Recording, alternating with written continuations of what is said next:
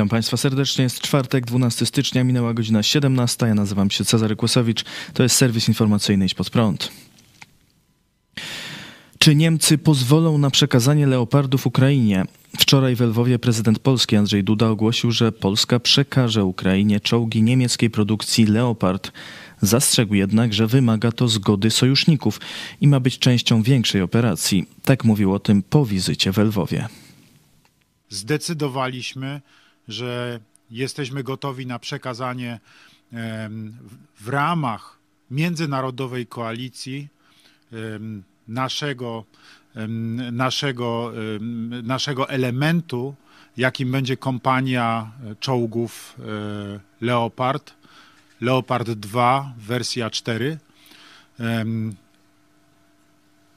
Będziemy zabiegali na arenie międzynarodowej o to, aby tą koalicję stworzył cały szereg państw, które dadzą swój wkład w postaci właśnie czołgów, po to, aby można było stworzyć większą jednostkę czołgową, bo kompania nie jest jednostką wielką, jest jednostką małą, jest jednostką, bym wręcz powiedział, symboliczną.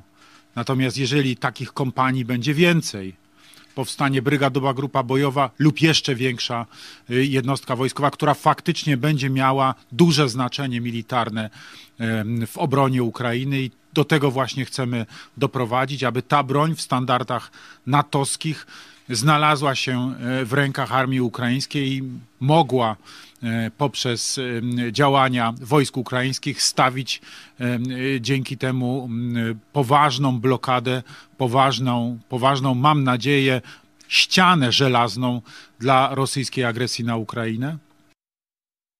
Przekazanie czołgów Leopard Ukrainie wymaga, wymaga, jeszcze zgody producenta, czyli Niemiec. Polski prezydent sprytnie podszedł do tego problemu, o czym mówił dziś w programie Idź pod prąd na żywo pastor Paweł Chojecki.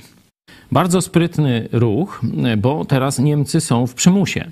E, już decyzja zapadła i nawet jak to Niemcy muszą ostatecznie wyrazić e, zgodę, cała chwała przypada Polsce i to dlatego nazywam przechytrzeniem i bardzo e, sprytnym ruchem. Czołgi są niemieckie, zgoda ma być niemiecka, chwała przypada Polsce. Niemcy są w totalnym tutaj impasie. Nic nie mogą zrobić, nie? Czyli po pierwsze możemy to zrobić i bez nich i co nam pan zrobi, nie? Stany Zjednoczone, a one przecież, y, no można powiedzieć w pewnym sensie nadzorują niemiaszków, żeby im tam jakieś zbyt głupie pomysły e, wojenne nie przyszły do głowy, stąd bazy amerykańskie. Decyzja Stanów przekazywać i Niemcy ruki poszwami. Ja woli, do widzenia, tu nie będą podskakiwać. Trzeci element, ten też z sytuacji międzynarodowej, że przecież gdyby oni się teraz nie zgodzili, kiedy już Ukraina wita te czołgi i cieszy się, no to Niemcy wyszłyby już na kompletnych sojuszników Putina, zdrajców i tak dalej. W tym sensie Niemcy nie mogą się nie zgodzić.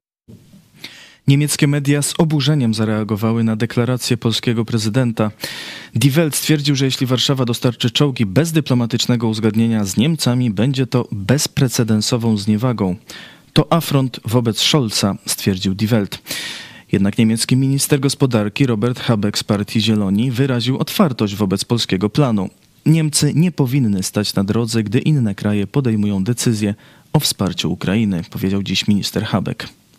Andrzej Duda był w Lwowie bardzo ciepło witany przez tłum obywateli Ukrainy, którzy przyszli podziękować. Ze wzruszeniem ściskali dłoń polskiego prezydenta.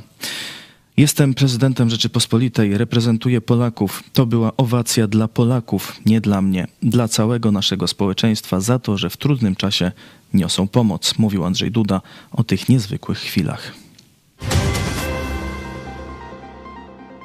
Niemieccy żołnierze za kilka dni w Polsce. Po niedzieli do Polski przybędą niemieccy żołnierze, którzy mają obsługiwać system obrony przeciwlotniczej Patriot, użyczony nam przez Niemcy.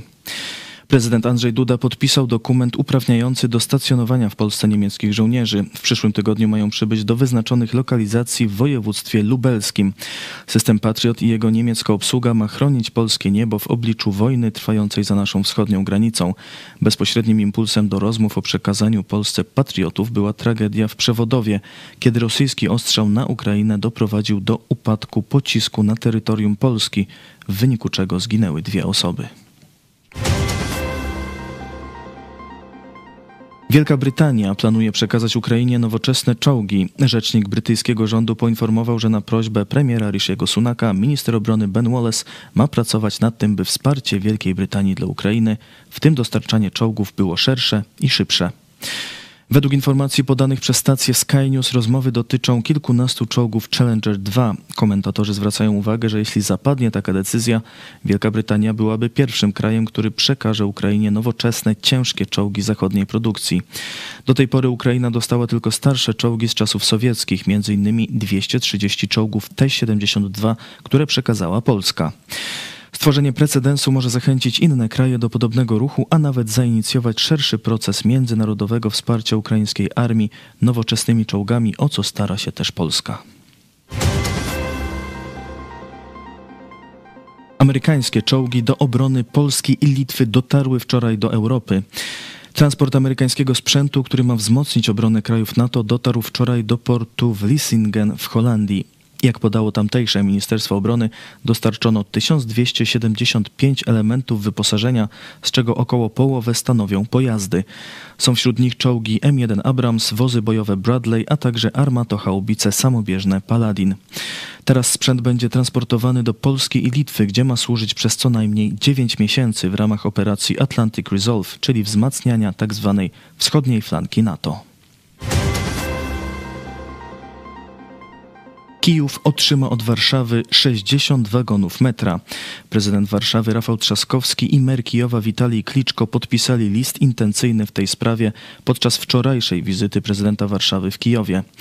Rafał Trzaskowski w programie Fakty po faktach, w którym gościł wraz z Witalijem Kliczką, powiedział: Okazało się, że stare pociągi warszawskiego metra mają dokładnie te same parametry jak te używane w Kijowie były produkowane w Związku Radzieckim. Przekazaliśmy te pociągi Ukrainie razem z częściami zamiennymi. Wizyta polskiego polityka na Ukrainie odbyła się w ramach szerszego spotkania prezydentów pięciu stolic Warszawy, Kijowa, Pragi, Bratysławy i Budapesztu, tworzących Pakt Wolnych Miast. Zaniechanie arcybiskupa doprowadziło do tragedii dziesiątek dzieci i bezkarności sprawcy. Tarnowska prokuratura bada, czy arcybiskup Wiktor Skworc popełnił przestępstwo w kwestii tuszowania aktów pedofilii, których przed laty dopuścił się jeden z podwładnych mu księży. W 2002 roku do biskupa Skworca zgłosili się rodzice chłopca skrzywdzonego przez księdza Stanisława P. Decyzją władz diecezjalnych ksiądz został odwołany z urzędu proboszcza z powodu rzekomych problemów zdrowotnych. Biskup Skworc nie powiadomił wtedy o zarzutach wobec księdza ani organów ścigania, ani Watykanu. Wkrótce po tym ksiądz P. został wysłany na Ukrainę, by dalej pełnić posługę, gdzie jak się okazuje również dopuszczał się podobnych czynów względem dzieci. Po powrocie do kraju za wiedzą władz diecezji prowadził zajęcia z lekcji religii w szkołach. Dopiero w 2013 roku wyrok w kościelnym procesie potwierdził winę księdza. Pedofil nie został jednak wykluczony z kapłaństwa. Władze diecezji nie poinformowały też o tym fakcie organów ścigania, zapewniając księdzu P. bezkarność względem prawa.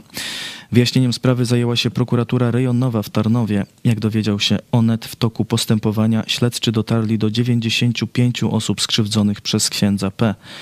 Jak przekazuje portal, powołując się na dokumenty prokuratury, Stanisław P. dopuszczał się tych haniebnych czynów w każdej parafii, do której był wysłany, najpierw przez arcybiskupa Jerzego Ablewicza, później przez arcybiskupa Józefa Życińskiego, aż w końcu przez biskupa Wiktora Skworca. W postanowieniu prokuratury zapisano: Materiał dowodowy potwierdził, że Stanisław P., mając intensywny kontakt z uczniami szkół podstawowych uczęszczających na lekcje religii przy parafiach, wielokrotnie dopuszczał się powtarzalnych zachowań naruszających sferę seksualną małoletnich. Niestety zaniechanie biskupa w tej sprawie sprawiło, że zanim prokuratura się nią zajęła, wszystkie przestępstwa księdza Stanisława P. się przedawniły i prokuratura musiała umorzyć śledztwo w sprawie księdza. Według ustaleń Onetu biskup Skworc wiedział o, wiedział o pedofilskich czynach księdza Stanisława P. w 2002 roku. Ksiądz Tadeusz Isakowicz-Zaleski twierdzi, że biskup miał taką wiedzę już w 1998 roku. Nawet przyjmując wersję netu, gdyby biskup powiadomił prokuraturę w roku 2002, pozwoliłoby to uniknąć przedawnienia w przypadku dziesiątek ofiar oraz zapobiegłoby skrzywdzeniu wielu kolejnych.